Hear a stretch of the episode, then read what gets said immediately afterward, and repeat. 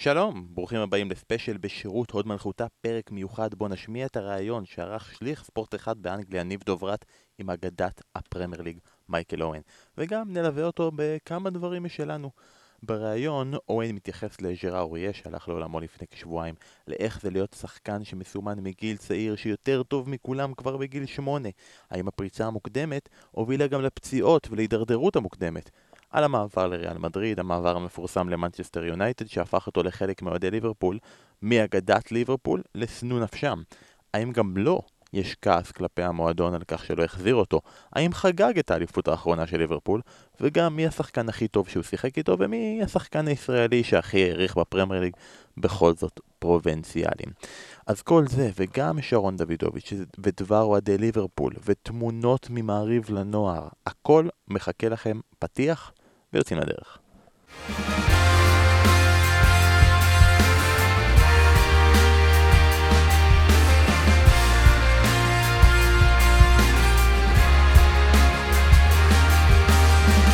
שוב שלום, ברוכים הבאים לספיישל מייקל אוהן של בשירות עוד מלכותה. מיד נגיע לרעיון המלא והמיוחד שערך ניב דוברת עם מייקל אוהן, שהוא בהחלט סמל של הפרמייר ליג. לכל מי שיותר צעיר וחי יותר על הדיבור עליו מאשר לחוות אותו בזמן אמת, אפשר לטעון שאוהן היה סוג של גרסה מוקדמת יותר של ויין רוני מבחינת המשמעות שלו בפרמייר ליג. וונדר קיד מליברפול שכובש בצרורות, שמהווה סמל לעתיד גדול יותר למועדון, לכדורגל האנגלי, רק שההצלחה של אוהן הייתה הרבה יותר מוקדמת, ריכוזית, בום אחד ענק וגמרנו, ואפשר גם לומר פחות הישגית. ואני רוצה לצרף עכשיו את אה, אוהדת ליברפול ויקירת הפוד, צופנת מור, שבמשך שנים התקווה שלה הייתה להיות יום אחד צופנת אוהן. מה נשמע צופנת והאם אני טועה? בוקר טוב. אה, אם אתה טועה? לא, לא טועה. ספרי, ספרי קצת את, החיבור שלך למייקל. אה, טוב, אז אני התחלתי לראות את ליברפול בערך באזור 97-98, אה, בעקבות כתבה במעריב לילדים. אה, לא ידעתי הרבה על כדורגל אנגלי, אבל, אבל החלטתי שזו הקבוצה שלי והלכתי איתה, ואז פתאום אוהן הגיע. ומהרגע הראשון התאהבתי, ממש עד הסוף, פוסטרים על הקירות, כל כתבה אני אוספת, ממש פנגר, כאילו עד הסוף. רציתי להיות כמוהו, רציתי לשחק, לרוץ, לכבוש, לחגוג כמוהו, אה, ניסיתי לחכות אותו על המגרש, לא תמיד בהצלחה. אמ, ופשוט חיכיתי לכל פסיק ושביב מידע שאפשר לקבל עליו, אז זה לא ימי יוטיוב עליזים ומשחקים בלי הפסקה שאפשר לראות כל יום. אה, אז היה, היה קשה להשיג, אה, בוא נגיד את זה ככה, אה, למשל וידאוים שלו משחק והכל, אז פעם ב- ולראות משחק זה היה עבורי טירוף. שזה, אגב, אני צריך להגיד שזה, הימים הם סוף שנות התשעים, הכדורגל האנגלי כבר בחשיפה גבוהה יותר בישראל, לא קלטות סוף שבוע בערוץ אחד, שידורים בערוץ הספורט, כוכבים קרובים יותר, ודווקא עכשיו אני נופל על חברת קיבוץ בלי כבלים. נכון, לנו לא היו כבלים. אמ, הם הגיעו רק טיפה יותר מאוחר. אז מה שהיה לנו זה היה ערוץ המזרח תיכון, שהיה משדר משחקים של הליגה האנגלית, אה, והעיתוני ספורט, שזה מה שהיה לי. אה, ככה הייתי עוקבת.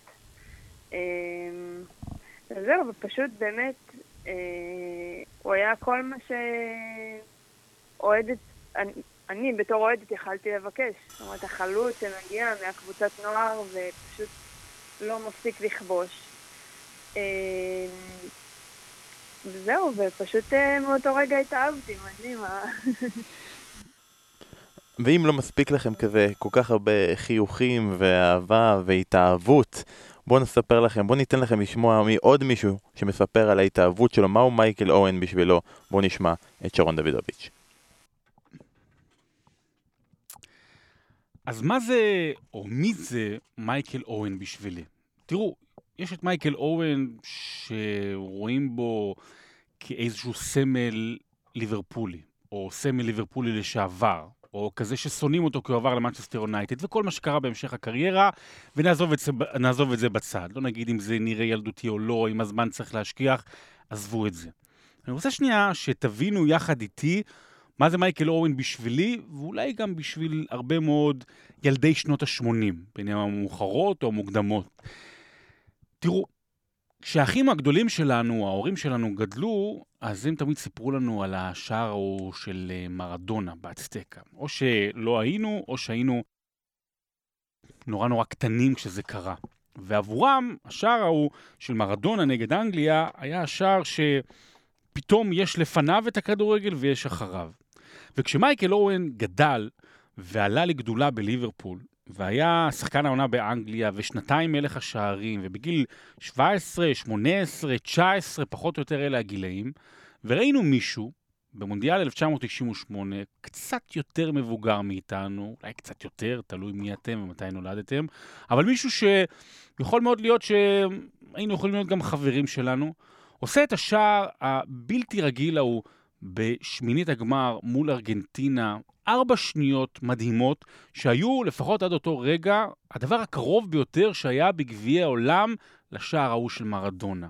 זה היה משהו בלתי רגיל, ועבור רבים, וגם עבורי, יש את הכדורגל לפני אותו שער של מייקל אורן ואחרי אותו שער של מייקל אורן. מייקל אורן בשבילי היה מעין חלום, מעין איזשהו חזון שגם אני רוצה להיות בו, בין אם זה בכדורגל או בכל ענף אחר, או, או, או פשוט להצליח ולהיות ולראות שזה אפשרי, כי הוא הרי בגיל שלנו פחות או יותר.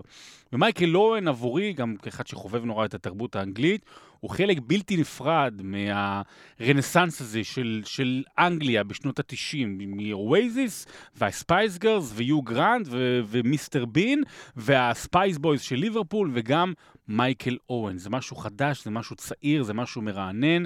ונכון, יש כאלה שיגידו שהוא כך או אחרת, אבל לי וגם לאסף ידידי היה חשוב מאוד להכניס אותו בחמישים הגדולים באגדות דשא, כי יש בו משהו סמלי ומשמעותי מאוד לבני הדור שלי, ואולי גם לאחרים.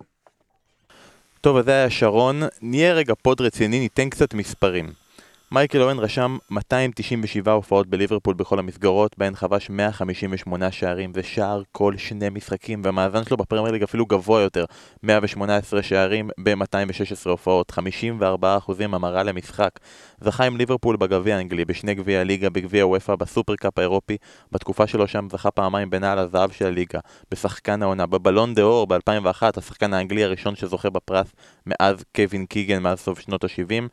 אבל הוא לא זכה בדבר אחד, וזה בתואר אליפות. לפחות עדיין לא, לא בליברפול, בהמשך זה עוד יגיע.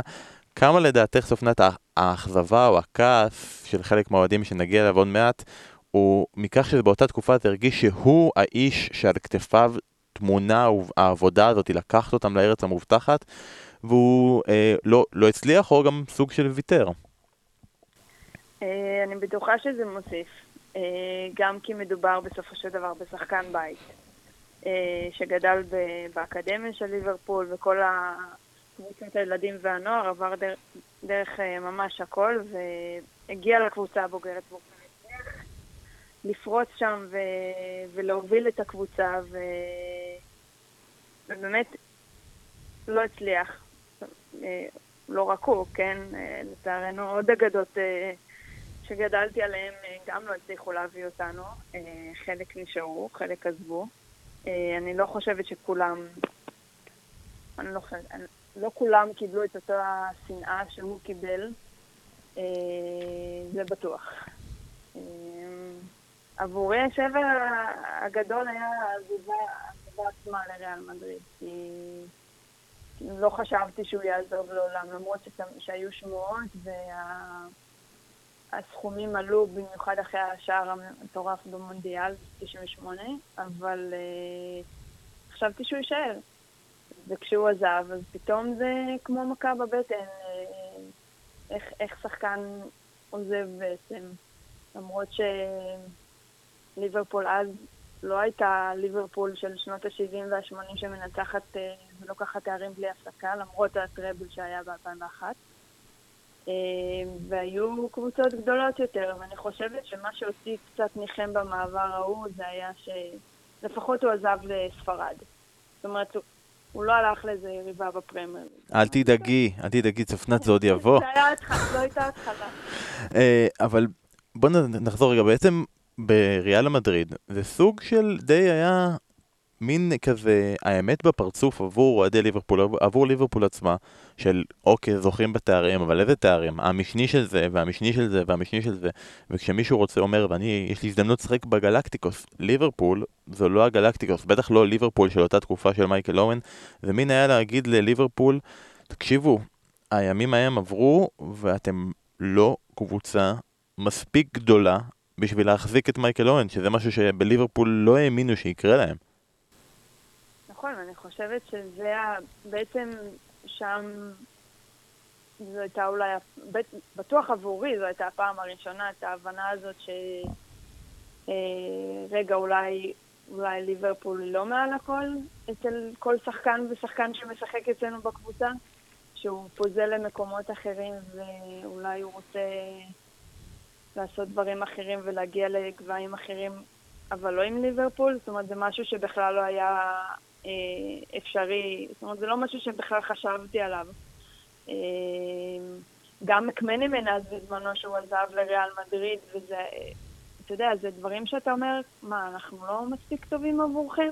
כאילו, אתם לא רוצים לקחת אותנו לארץ המובטחת, אתם רוצים ללכת למקום אחר? אה, ואז עם השנים גדלתי וזה עדיין כואב ששחקן עוזב לקבוצה אחרת כי הוא אומר, אתם לא מספיק טובים עבורי. אה, זה אף פעם לא כיף. וכשההצלחה מגיעה אחר כך, אז אה, זה כזה, בוא נגיד שאחרי שאורן עזב, ועונה אחרי זה, וזה היה לי ברור שמשהו יקרה אחרי שהוא יעזוב, וזכינו בליגת האלופות באיסטנבול, משהו בי נחמץ קצת ש... שהוא לא היה שם, שהוא לא היה חלק מזה. הוא בחר לעזוב, ודווקא בעונה שהוא עזב, הגיעה ההצלחה הגדולה.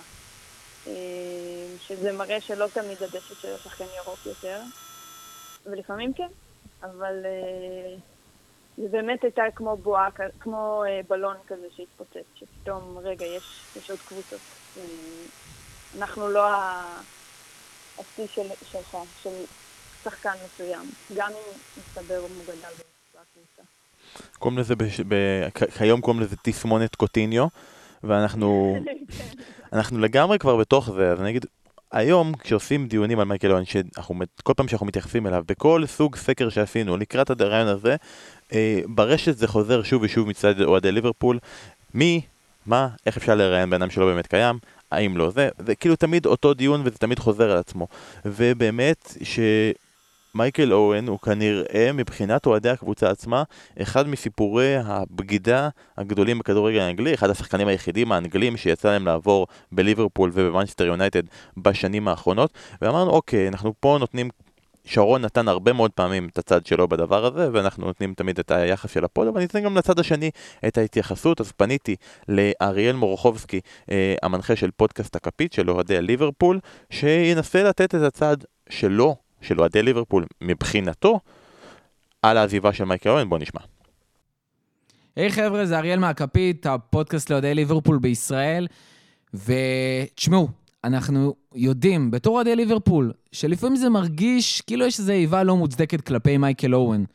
אה, אבל אני פה בשביל להסביר לכם, מהצד של אוהד ליברפול, אה, ובכלל, מנסה לפחות לייצג את אוהדי ליברפול ולהסביר לכם למה זה קורה. אה, וצריך להתחיל ממשהו מאוד פשוט. אוהד ליברפול, בסוף שנות ה-90, תחילת שנות ה-2000, כשכבר כעשור אין באמת איזושהי הצלחה אה, בליגה, בליגת האלופות, כבר לא אותה קבוצה דומיננטית. מגיעה קבוצה צעירה ומרגשת, שבחוד שלה שחקן צעיר ומרגש, סופר כישרוני, באמת עולה בגיל 18, מהנוער, שזה הכי מרגש שיש, ומפקיע. בצרורות, מטריף את כולם. אנחנו מדברים על סוף שנות ה-90, תחילת שנות ה-2000, תקופת ה-MTV. אנשים, ילדים, נערים שגדלים על ליברפול בתור אוהדי ליברפול, תולים פוסטרים של מייקל אורן בתור אותו כוכב, אפילו לא הקפטן, אלא ממש כוכב מבריק, מגניב, עולה, ו- ומעריצים אותו. והוא צעיר, לא, לא בהרבה מהם, ממש במעט. אומרים, וואו, הלוואי שהייתי יכול להיות כמוהו עוד כמה שנים, אני יכול ממש להזדהות. אה, והוא גדל ליד ג'רארד וליד קרגר, שגם עולים מהנוער. והוא גדל בתור המחליף של פאולר, חלוץ אגדי שבליברפול, אנחנו האוהדים מתייחסים אליו בתור אלוהים, ממש, קוראים לו גד בכל מקום, שרים לו בתור אלוהים, והוא מחליף אותו. הוא מחליף אותו בהצלחה, ואומרים, וואו, גם צעיר, הוא יכול להצעיד אותנו כל כך הרבה שנים קדימה. ואז הוא בא ואומר, אה, לפחות ככה מספרים במועדון, להנהלה, תשמעו, הקבוצה לא מספיק טובה, אני צריך שתחליפו פה שחקנים, צריך שתחליפו פה מאמן, אני ככה לא נשאר. ומספרים שאת ג'רר רויה, שבדיוק נפטר, ששינה את המועדון והרים אותו בקטע טוב, פתאום הוא רוצה שהוא יעזוב, ומביאים לו את בניטז. ועדיין, מייקל אורן מחליט לעזוב את ליברפול, לעזוב את אנגליה, ללכת לריאל מדריד, למרות כל ההבטחות, מה שגם גורם לזה, דרך אגב, שהוא יעבור בהרבה פחות כסף ממה שהוא יכל להכניס למועדון, אה, הרבה לפני שהוא עובר למנצ'סטר יונייטד. וזה משהו שנצרב לאוהדים בתור בגידה.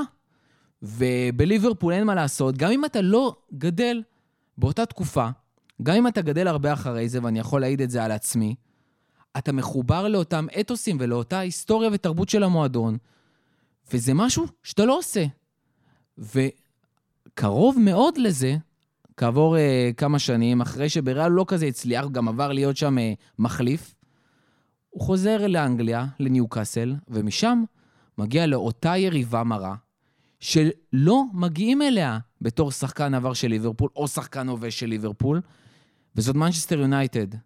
אה, ובעצם פה הוא עושה שני מעברים שמרגישים כמו תקיעת סכין בגב לאוהדי ליברפול שכל כך העריצו אותו, ובסופו של דבר צריך להבין, זה כמו אותה מישהי, אותה אקסיט אגדית שהייתה, ולא רק עזבה אותך, עזבה בשביל אה, איזה יריב כזה בתיכון, איזה מישהו שאתה שונא, אה, ועשתה את זה מול הפרצוף שלך, או אולי מול הבן אדם שאתה הכי שונא, שאחרי זה שזה מנצ'סטר יונייטד, ומסתכלת עליך ואומרת לך, זה בקטנה. אז זה לא בקטנה, וזה כואב, וזה כואב מאוד, במיוחד שזה מישהו שאתה כל כך מעריץ והופיע לך על הקירות. אהבה נכזבת, וזאת האיבה למייקל אורן. אוקיי, אז זה היה אריאל וזה היה דבר ההגנה של אוהדי ליברפול מבחינתו. אנחנו עוד מעט גם נשמע את הרעיון של ניב דוברת עם מייקל שבו הוא נותן את דבר ההגנה שלו עצמו, אבל אז בעצם צופנת, את אוהדת ליברפול, את אוהבת את מייקל אוהן, את כאילו בעצם איפשהו פה אמורה להיות באמצע. איפה את בתוך כל הדבר הזה?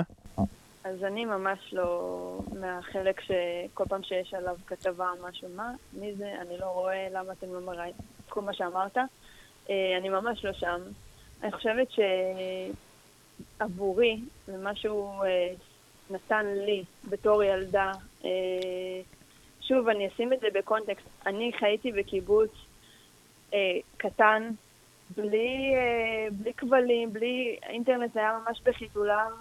מבחינתי אני הייתי כאילו לבד בקטע של ליברפול, זאת אומרת, לא, לא הכרתי אוהדים והכל, ואוהן היה עבורי האהבה הראשונה, ממש, כמו שליברפול הייתה אהבה, היא האהבה הראשונה שלי בכדורגל מהבחינה הזאת, גם אוהן. הוא נתן לי כל כך הרבה אושר, אה, ששום מעבר לא היה משנה את זה, וזה משהו שאף אף מעבר לשום קבוצה לא יכל לקחת, ועובדה שזה לא לקח, כמה שזה שבר לי את הלב.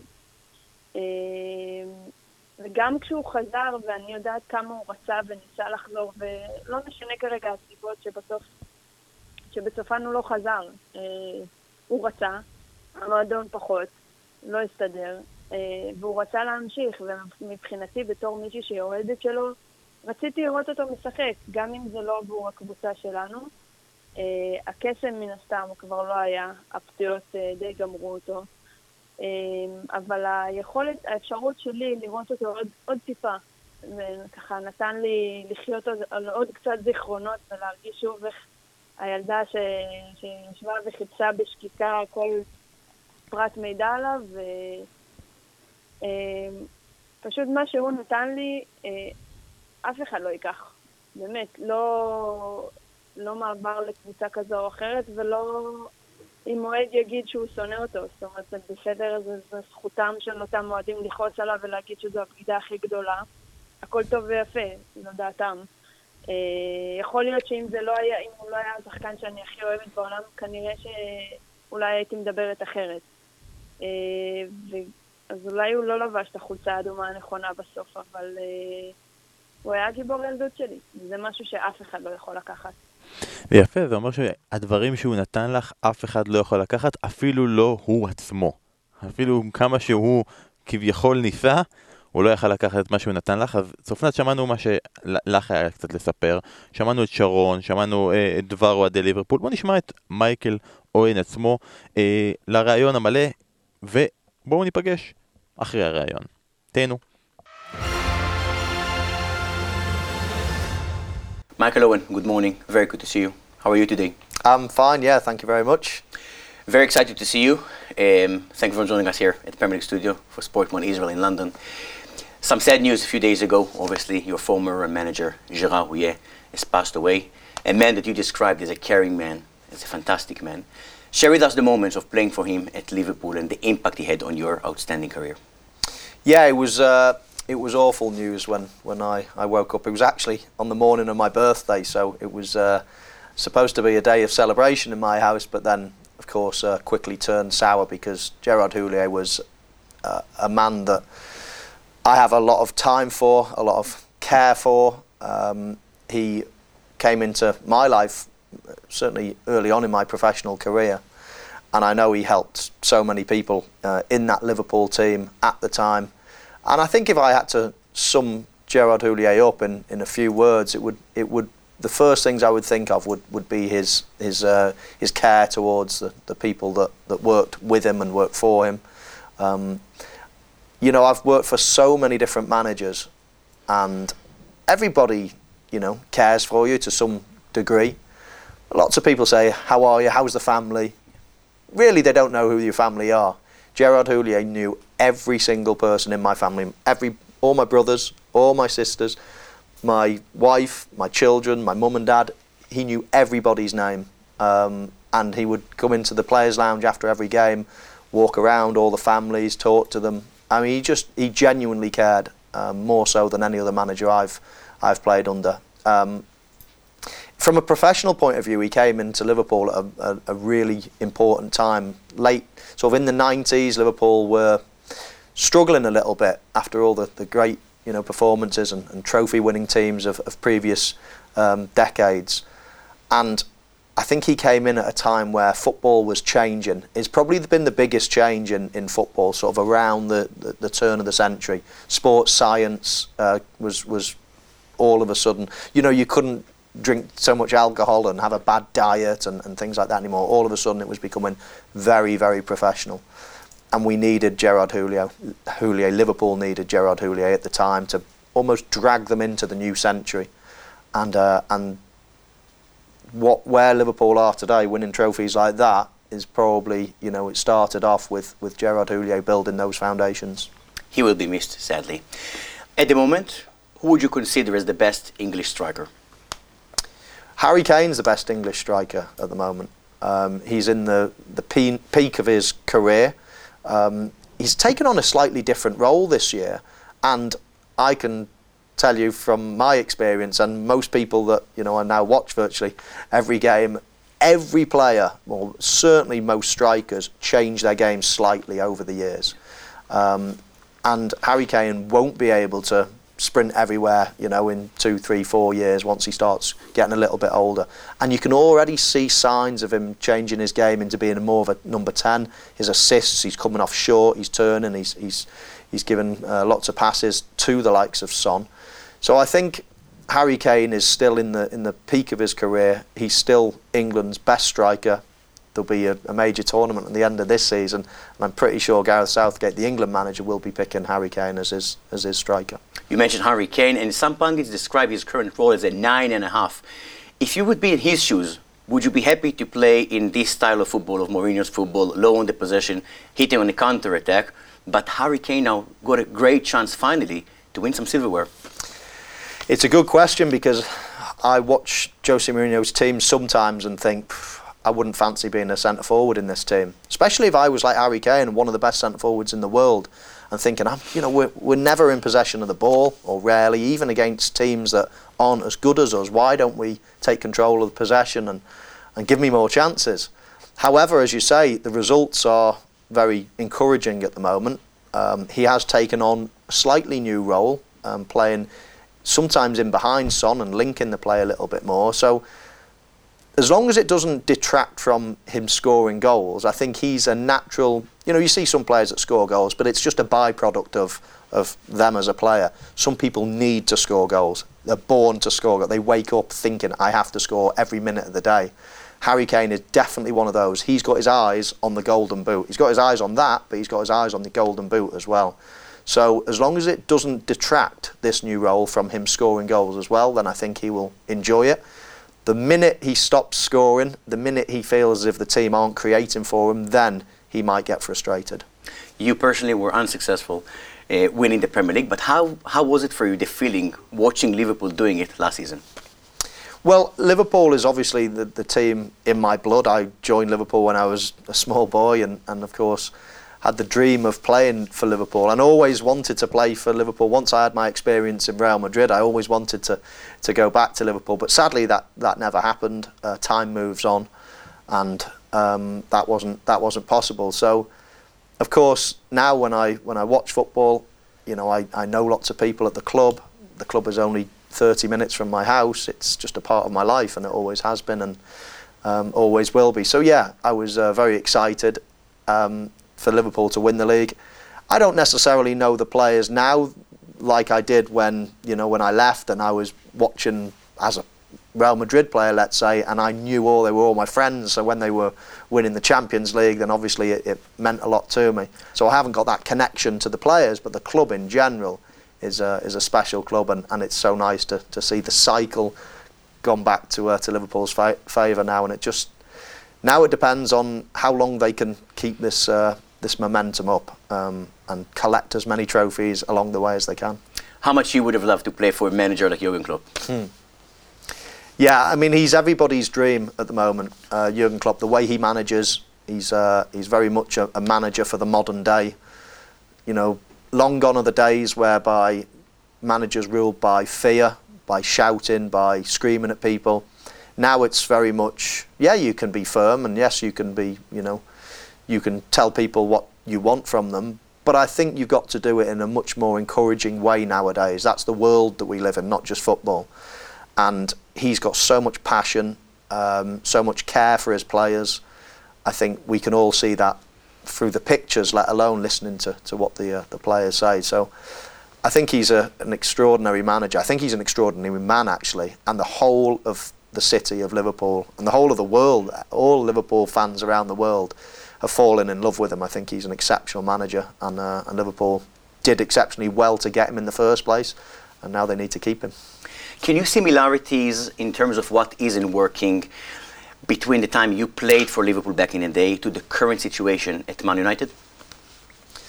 Yeah, every team goes through cycles, and, and of course, you always compare yourselves to the team that are winning because you're chasing them all the time. So it always makes you feel bad about yourself because you know Manchester in, in my day Manchester United were, were winning all the time it's what more can we do to you know when we're signing players and trying to improve ourselves and and if you can't win then of course it, it hurts you and, and you, you start looking over and thinking you know I want to be like that. I want you know better players. And so it's very frustrating and the cycle is obviously changed now. Liverpool have, have emerged.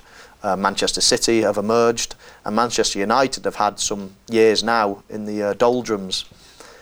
And of course, they're going to be looking at Liverpool, thinking they're doing something right, and you know we need to not copy them, but we need to, you know, get to that level. Um, same as, as Manchester City. So yeah, I can imagine the pain that Manchester United players, managers, supporters are feeling. Um, and I'm sure it will come again. Of course, it will come again the cycle. You know, Manchester United are too big a club not to be successful again. But at the moment, and for the last good few years, it's not looked uh, it's not looked good. And you can't see at the moment any real. Oh yeah, they're on to a good thing. It's going to be soon. At the minute, it just feels if it's still they're still just running along at you know fourth, fifth, sixth type of place, with no real prospects of challenging Liverpool or Manchester uh, City just yet.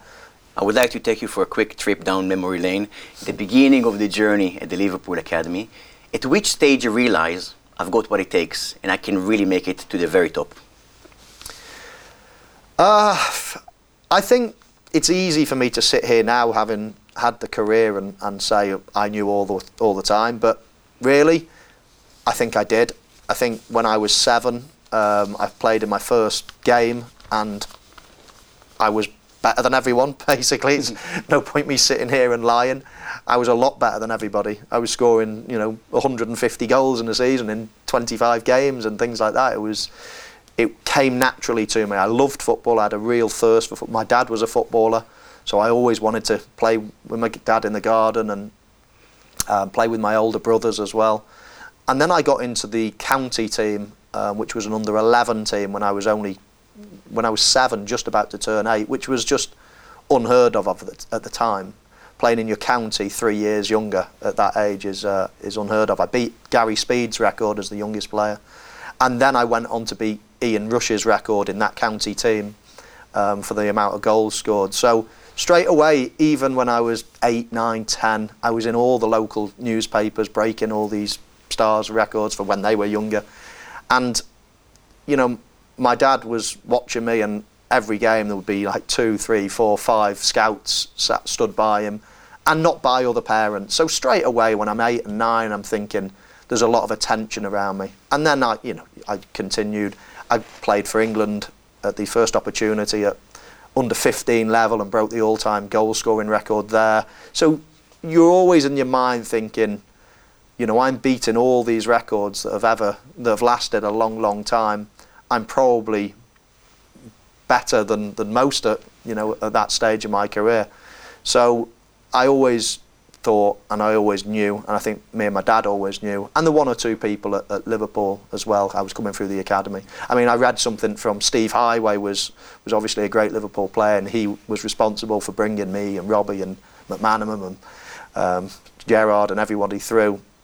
And he did an interview not so long ago and said, "When do you know um, a player is going to be a player?" When do you know they're going to make it? And he said the the one player that he thought was going to make it before any of the others was a, around 14 years of age was was myself. So I was disappointed reading it because I was hoping he was going to say he knew when I was 10 years of age, but he said at 14 he was uh, he was absolutely sure that I was going to be a, a, top player. I remember interviewing Paul Scholes a couple of months ago, and he spoke about the class of '92 and moving into the first team at United with big characters in the dressing room. Yourself as a youngster. Uh, back in the day at Liverpool, who was that player that used to be your personal role model? Well, I think Robbie Fowler was the person that I had you know, he was he was touching distance to me. He was a few years older.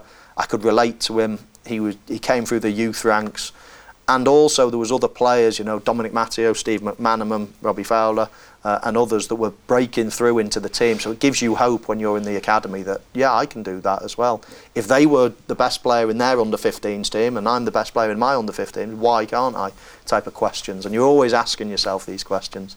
So I think he gave me the the hope and the belief that you can come through the ranks and be the star man, scoring lots of goals in the first team. Um, so yeah, when I was younger, Robbie Fowler pictures all on my bedroom wall. He was the one. Do you think the amount of credit you received at the beginning of your career possibly damaged your progression, your progress physically, and possibly the minutes you received should have been managed better by managers? It's always a difficult question to, to understand why um, why I got injured, let's say, and why they muscle injuries in the main compromised my career. Um, I don't think it was the any praise or adulation I got. I think I was very level-headed as a as a young boy, which is the reason that I was, you know, you know, Golden Boot winner at 17, Golden Boot winner again at 18, a Ballon d'Or winner at 21, and doing things that people probably hadn't ever seen before at such a young age was down to my mentality. Now, in the future, it's hard to say whether playing so much, of course, Liverpool needed me. They couldn't rest me, I, I guess, um, when we were chasing um, the likes of Manchester United. Manchester United were, were winning the league. They can afford to rotate their players. They've got, you know, got big squads, but we didn't have so many great players, let's say, in the, in the late 90s. So I was played a lot. When I finished the season with Liverpool. England wanted to take me to the under 21s World Cup. Then the next year, of course, the main World Cup. Uh, every summer, I never had a summer. I never had any time off. Whether that forced me to get injured, I doubt. I know when you speak to people like Sir Alex Ferguson, they think that, you know, that I played too much when I was young. But I look at my family, I look at my dad, I look at my genetics. We were all very, very quick. Um, my dad was a professional player and he suffered with muscle injuries. And I think sometimes when you're built to run fast, then you are more susceptible to more muscle injuries. So I tend to think no matter what, throughout my career I would have always had muscle injuries. It's just in my family. You know, my brother, both my brothers are so fast. My elder sister ran at real high level. Um, everyone was fast, but everyone suffered muscle injuries at some point in their life. So I think, personally, I think it was the way I was built. Um, but I understand people thinking I played too much when I was younger. Um, but you were never going to get me saying, no, no, no, don't play me. I wanted to play as much as I could. 2001 was a special year for you. You won the, the Ballon d'Or and also the treble, obviously, with Liverpool. But what do you think was missing for that Liverpool back that, that season to win the title that all the fans want you to win, to win the league? Well, we were building. Uh, Gerard Houllier had only just taken over, really, and made some good signings and was building a great team. And of course, you can't go from nothing to, to winning the league straight away. Um, the competition is always very high.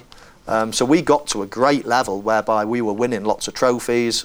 Um, we also came third in the Premier League during that season that qualified us for the for the Champions League. And of course, when you come third in the league, you think, right, we're getting closer now. This was the, as close as we've been for a while. Then the next season we came second. So all of a sudden we're starting to build and build and build. Now we couldn't just, you know, turn it turn it on and and, uh, and win the league. Arsenal at the time um, had emerged under Arsene Wenger, and they became the Invincibles, and they were s- such a strong team. So you can imagine Manchester United winning it all the time, and then all of a sudden you think, right, we can beat Manchester United maybe, uh, and then Arsenal emerge as well. So it's so competitive. I mean, we were we were close. We won lots of trophies. Couldn't quite win the Premier League, um, but we were we were setting, I think, foundations for for the future. Of course, Gerard Houllier then left his job and Rafa Benitez came in and, and other managers and went on to have a lot of success. But that was probably built on on uh, on what Gerard Houllier did in the first place. Is there a final twist? What a pass! Michael Owen wins it in the most extraordinary way. His first taste of a Manchester derby, and look what he's gone and done.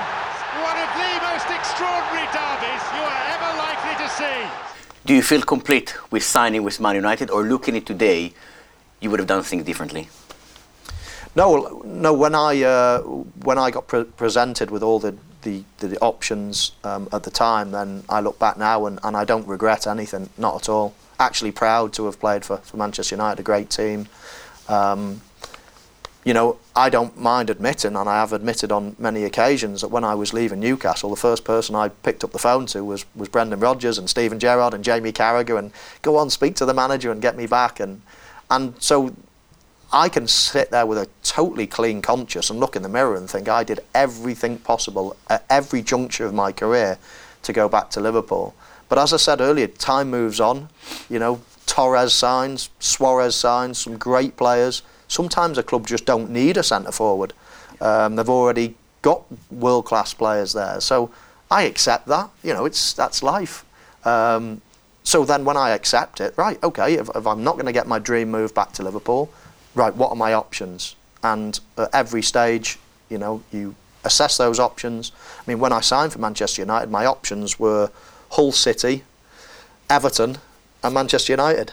So I was going to be hated if I went to Man- Everton or Manchester United.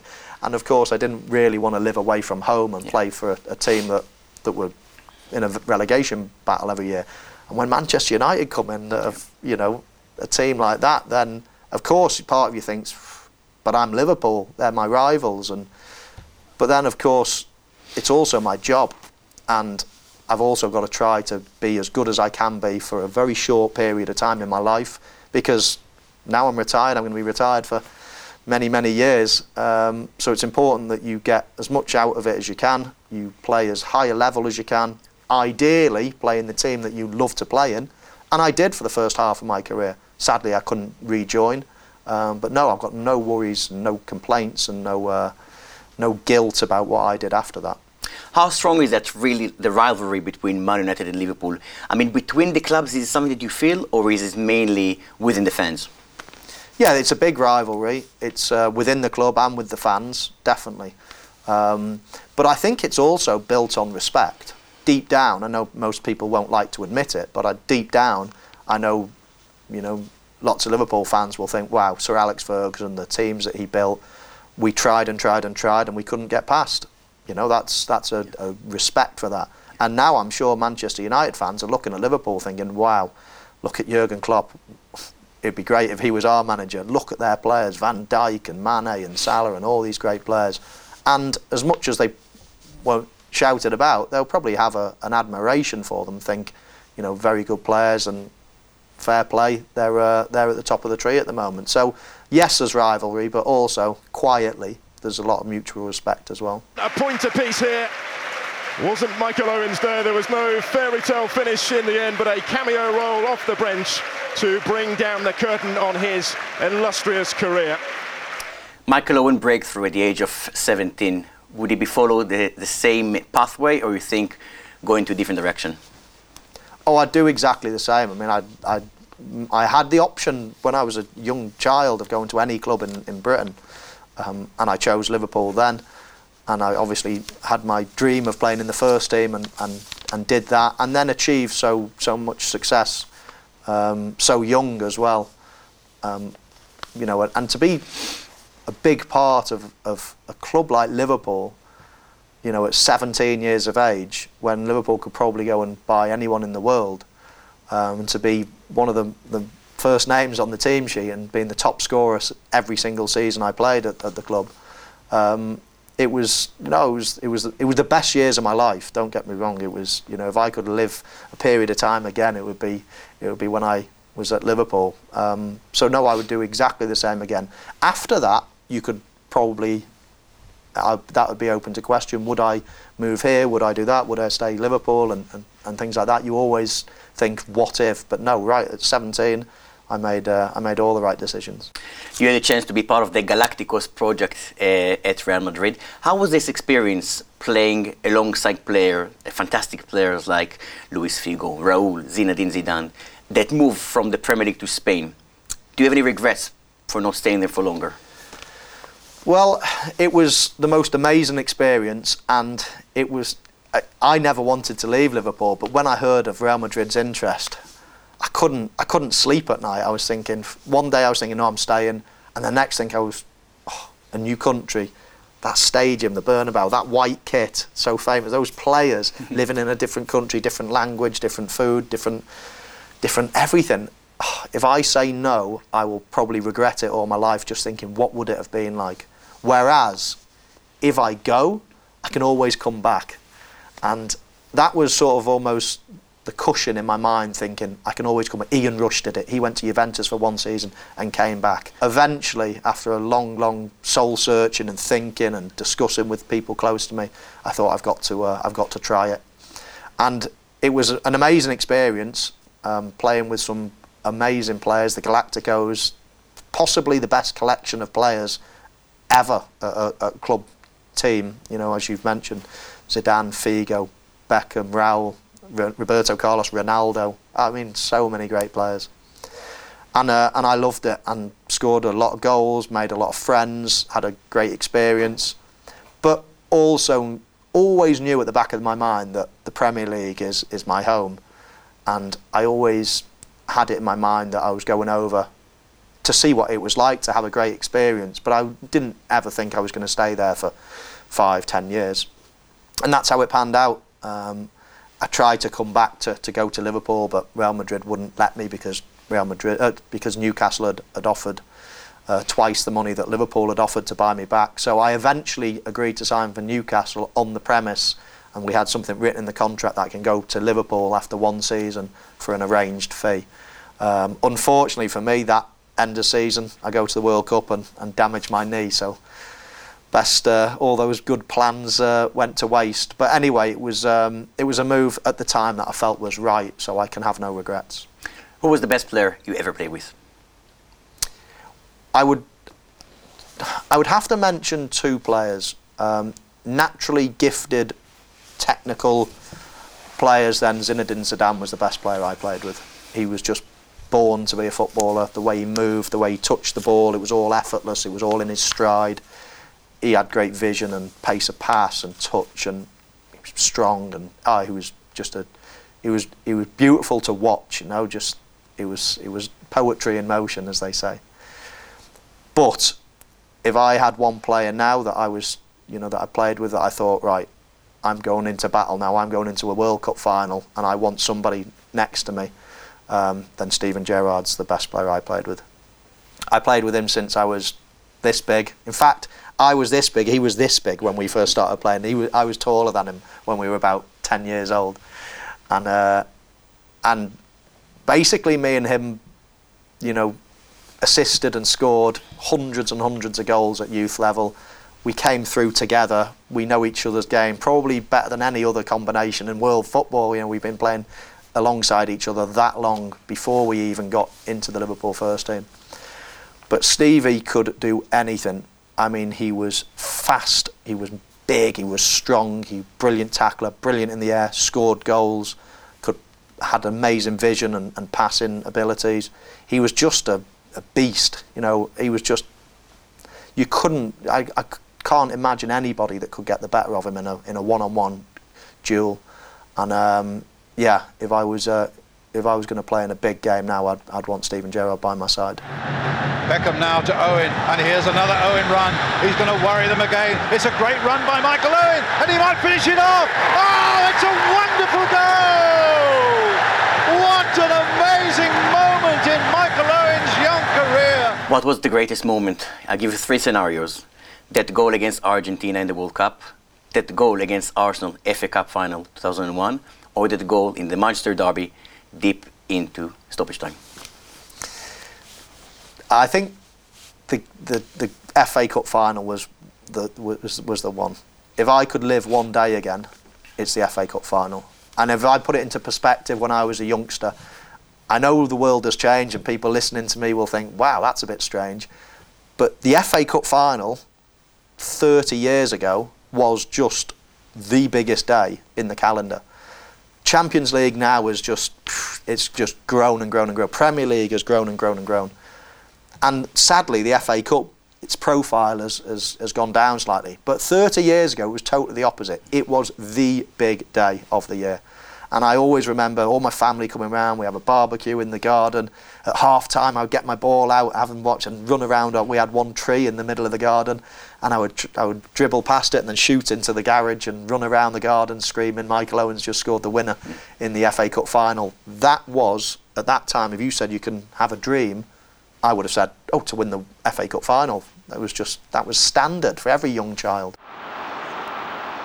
Adams has stayed back for Arsenal. Look at the pace here of Michael Owen again. It's there! Michael Owen strikes again. And incredibly, Liverpool have turned it round. The boy is a genius. The final whistle, and Liverpool, thanks to this young man, have done it. So to play against a team like Arsenal at the time, who were so good, for 85 minutes to get beaten, um, you know, to, to be dominated. Really, they were they were the better team, but that almost makes it feel better because we stuck in there, we were together, and as soon as I scored that equaliser, I've never had a feeling like it. I knew jogging back to that halfway line at 1-1, jogging past Vieira and all these great players, I could see they were beaten, and I looked at the clock and thought, right, what have I got? About four minutes, five minutes. Shall I f- will I have time to finish them now, or do I have to wait till extra time? I was that confident I was just going to score again. It's just a question of when. I've never had that fear. I've always been confident. I've always had self-belief, but I just looked up and I just knew, having looked around me, how they were feeling, having looked at the clock, it was just a question of, of when. And scoring that second goal, I mean, it was just the most unbelievable feeling. And not just the goal, but then afterwards, the party, the it was, yeah, FA Cup final all day long. You never played with an Israeli player, but watching the Premier League, who do you think was the best Israeli player ever played in the Premier League? Yeah, well, there's been a few. We've obviously discussed uh, some of them early on, but I think personally Benayoun was was probably the best. It's quite close, um, but of course Benayoun played for Liverpool as well. Um, and for anybody to get a move to Liverpool, of course, they've got to be a, a very talented player. And he graced the, the Premier League for, for some time. So, yeah, there's been a few good players in, in the Premier League, but I'd say Yossi Benayoun was, was probably the best. And how would you describe Michael Owen's career in one sentence? Um, I reached the top, you know, and, and uh, I would love to have remained at the top longer. Sadly for me, I was there before anyone else. I got probably to levels that has rarely been seen in the world of football so early on in my career, but I couldn't sustain it, not because of my mental state, or not purely physical.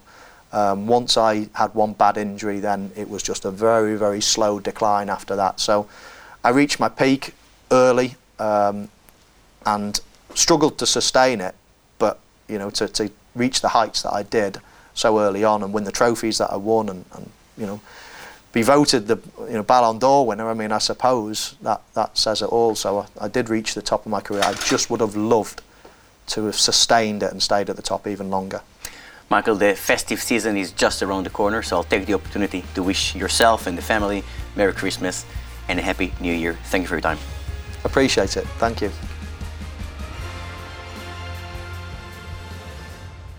אז תודה רבה למייקל אוהן, תודה רבה לניב דוברת. אם אתם רוצים לראות את הגרסה המצולמת, בכל זאת להיזכר גם בשער מול ארגנטינה, בשער בגמר גביע האנגלי, אתם יכולים לעשות את זה בחבילת הערוצים של ספורט אחת, ובתקווה שזה יעלה גם בקרוב לאתר ואפליקציית ספורט אחת. אה, צופנת, את אמרת לי שהתרגשת מהרעיון, למדת משהו חדש ברעיון? מה, מה הכי אהבת לשמוע ממנו? אה, קודם כל, שוב, לראות אותו מדבר. אה, אני חושבת ש... אני, כן היה לי קצת קשה, אתה יודע, איך הוא פתאום מנתק את ה... כאילו העניין של לנתק את הרגש מהדברים, זה מאוד קשה, כי בתור אוהדים אנחנו הכי חווים, חווים את זה כמשהו רגשי עד הסוף, ופתאום שבא מישהו ואומר, אה, אה, בסוף אה, רציתי להמשיך לשחק, וזה מה שהיה לי. אה, אני מודה שאת האופציה של הל לא זוכרת שהייתי קיימת. אה, אבל אני הסתכלתי על זה גם, כשהוא, גם אז שהוא דיבר, אה, אז בזמנו, וגם ברעיון, על המעבר ליונייטד, אני באמת הסתכלתי על זה רגע מהנקודת מבט שלו כשחקן, שהוא אומר, אוקיי, זה האופציות שלי, מה, לשבת בבית או לשחק. אני רוצה להמשיך לשחק. עם כל הצער והכאב בדבר שבתור מי שגדל בליברפול. אה, אני חושבת ש... הוא היה מאוד, אה, מאוד כנה לגבי מה ש... אה, אתה יודע, דברים שעברו עליו ואיך שהוא הרגיש בתוך המערכת ואחרי שהוא עזב. אה, כשהוא אמר, עזבתי וחשבתי שאני חוזר, זאת אומרת, כמו אייל רע שעזב ליורש. וגם אני חשבתי ככה, ואז אמרתי, כן, נכון, זאת אומרת, גם אחרי שהוא עזב, אמרתי בסדר, הוא עזב, אבל הוא, הוא יחזור. זאת אומרת, זה רק עניין של זמן. ואז הוא לא חזר. אבל אה, שוב, בשבילי זה היה מרגש לראות אותו, אני חושבת שבאמת היה רעיון אה, יפה, גם כי ניב באמת הצליח להוציא ממנו דברים, ואני לא יודעת אם יהיו שם משהו, ש... דברים שהפתיעו אותי, כי בתור, אה, נקרא לזה גרופי שלו, ידעתי הרבה דברים עליו. אבל תמיד כיף לי לשמוע אותו מדבר, בטח ברעיון כזה, ולא, אתה יודע, באולפן טלוויזיה מדבר על מנתח משחק כדורגל. זה משהו אחד וזה משהו אחד. זה גרם לי, כל הרעיון איתו, ואז שעלתה אפשרות שנעשה איזה קטע בפוד, אז גרם לי, אמרתי, איך התבאסתי ש... לא שמרתי את כל הפוסטרים שהיו לי בחדר, ואת כל הכתבות מאז, היו לי מלא קלסרים. אבל אז מצאתי כמה. כן, את, את עושה חשיפה למאיפה הגיעו התמונות ממעריב לנוער לחשבון של הפוד. תראי, יצא לי כאילו קצת לחשוב על כל הנושא הזה, כי בכל זאת אנחנו אמנם פוד אוהדי ליברפול, אבל אני לא אוהד אוהד אה, ליברפול, ו- ושרון ואסף לגמרי, אה, וכאילו אני מקשיב לעניין הזה, ואני מחלק את זה בעצם לשניים. כי אריאל, בטיעון שלו, הוא התייחס הרבה מאוד לריאל מדריד. וריאל מדריד זה טיעון שאני לא יכול להתווכח איתו, כי זה נטו רגש. עכשיו, להתלונן על כך ששחקן בוחר ללכת לקבוצה גדולה יותר ולא נשאר כסמל מועדון לנצח, ולהשוות אל זה את אה, ג'רארד, זה, זה כבר במחוזות הג'רארד ובמחוזות הטוטי, זה כבר עולם אחר. הבעיה שלי שלרוב אוהדי ליברפול לא מתייחסים לנושא של ריאל מדריד באותו אופן שהם מתייחסים למנצ'סטר יונטד. כלומר, הם לא אומרים אין כזה שחקן מייקל אוהן בגלל שהוא הלך לריאל מדריד, אומרים שאין כזה שחקן כי הוא הלך למנצ'סטר יונייטד.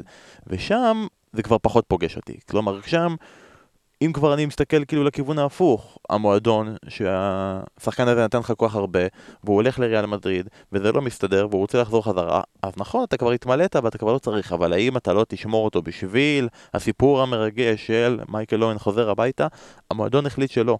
מייקל אוהן הבין שזה לגיטימי, החליט להמשיך הלאה, כי אין ברירה, הוא החליט להמשיך הלאה ולא הלאה, שזה בסדר, כי הוא לא רצה ללכת להל, שנראה לי לגיטימי לשחקן שחוזר מריאל מדריד, אומרים לו, יש לך אופציה ללכת לקבוצה הכי טובה באנגליה, ללכת לקבוצה השנואה של העיר, או ללכת לקבוצה שהולכת לרדת ליגה, mm, בוא נראה מה אני אבחר. אז הוא בוחר את הבחירה הזאת שלו, וכל מה שקורה אחרי זה, זה מצחיק שכאילו אין לקבוצה ליברפול ריזנטמנט לאוהן, אין לאוהן ריזנטמנט כלפי אה, ליברפול, הוא אומר כמה הוא שמח, הוא משבח את המועדון פעם אחר פעם אחר פעם, גם בחלקים שירדו מהרעיון אה, בקוצר זמן. ונראה לי שזה פשוט מין אגדה אורבנית כזאת, שממשיכה לנצח כעס על כלום, שכזה אפשר לפתור בפגישה של אחד על אחד, רק חבל ש...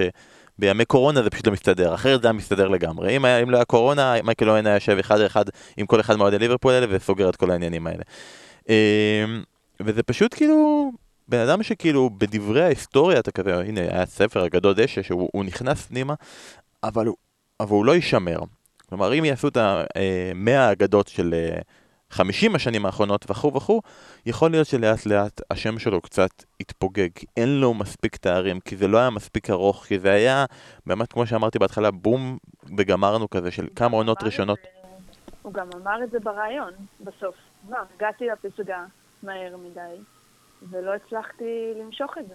נכון, זה, וזה כאילו בסוף יהיה הסיפור, אני לא יודע, לא, לא יכול להגיד הטרגי של מייקל אוהן, זה טרגי כי, כי הוא יכל להיות כל כך הרבה יותר.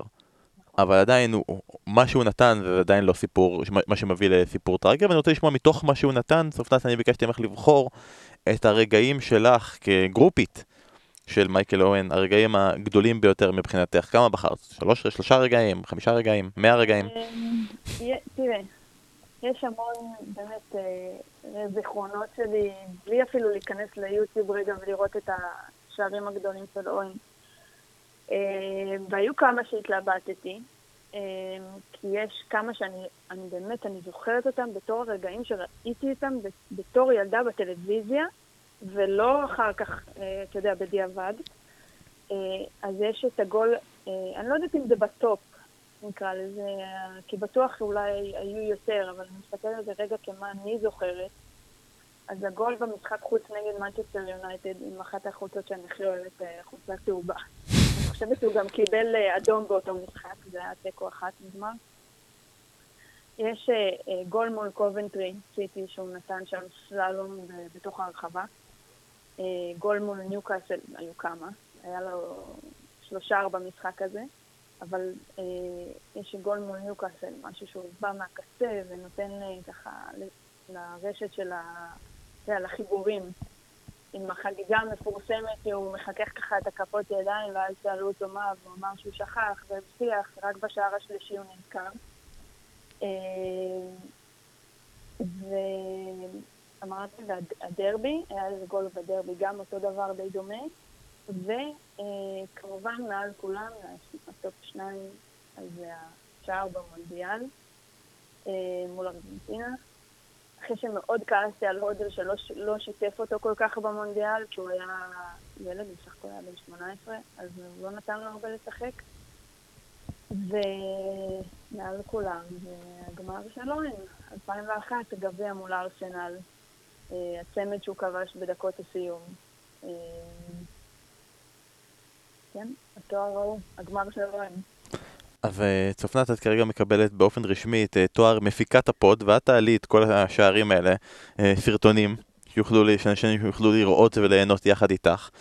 וזה הזמן שלנו אה, לסכם ולהיפרד ולהגיד אה, תודה רבה לך צופנה, תודה רבה לשרון, תודה רבה לאריאל מורוכובסקי, תודה רבה לניב דוברת, תודה רבה אה, למייקל אוהן, גם אתה מייקל אוהן, גם אתה בסדר, תודה רבה שגם אתה השתתפת בכל הדבר הזה. ואנחנו ניפגש שוב בפרק חדש בשירות מלכותה ביום חמישי אחרי עוד מחזור של כריסמס, כי יש הרבה מאוד משחקים של כריסמס. ועד אז תהנו מכדורגל משובח, תהנו ממייקל אוהן, מכל מה שהוא נתן לנו. ויאללה ביי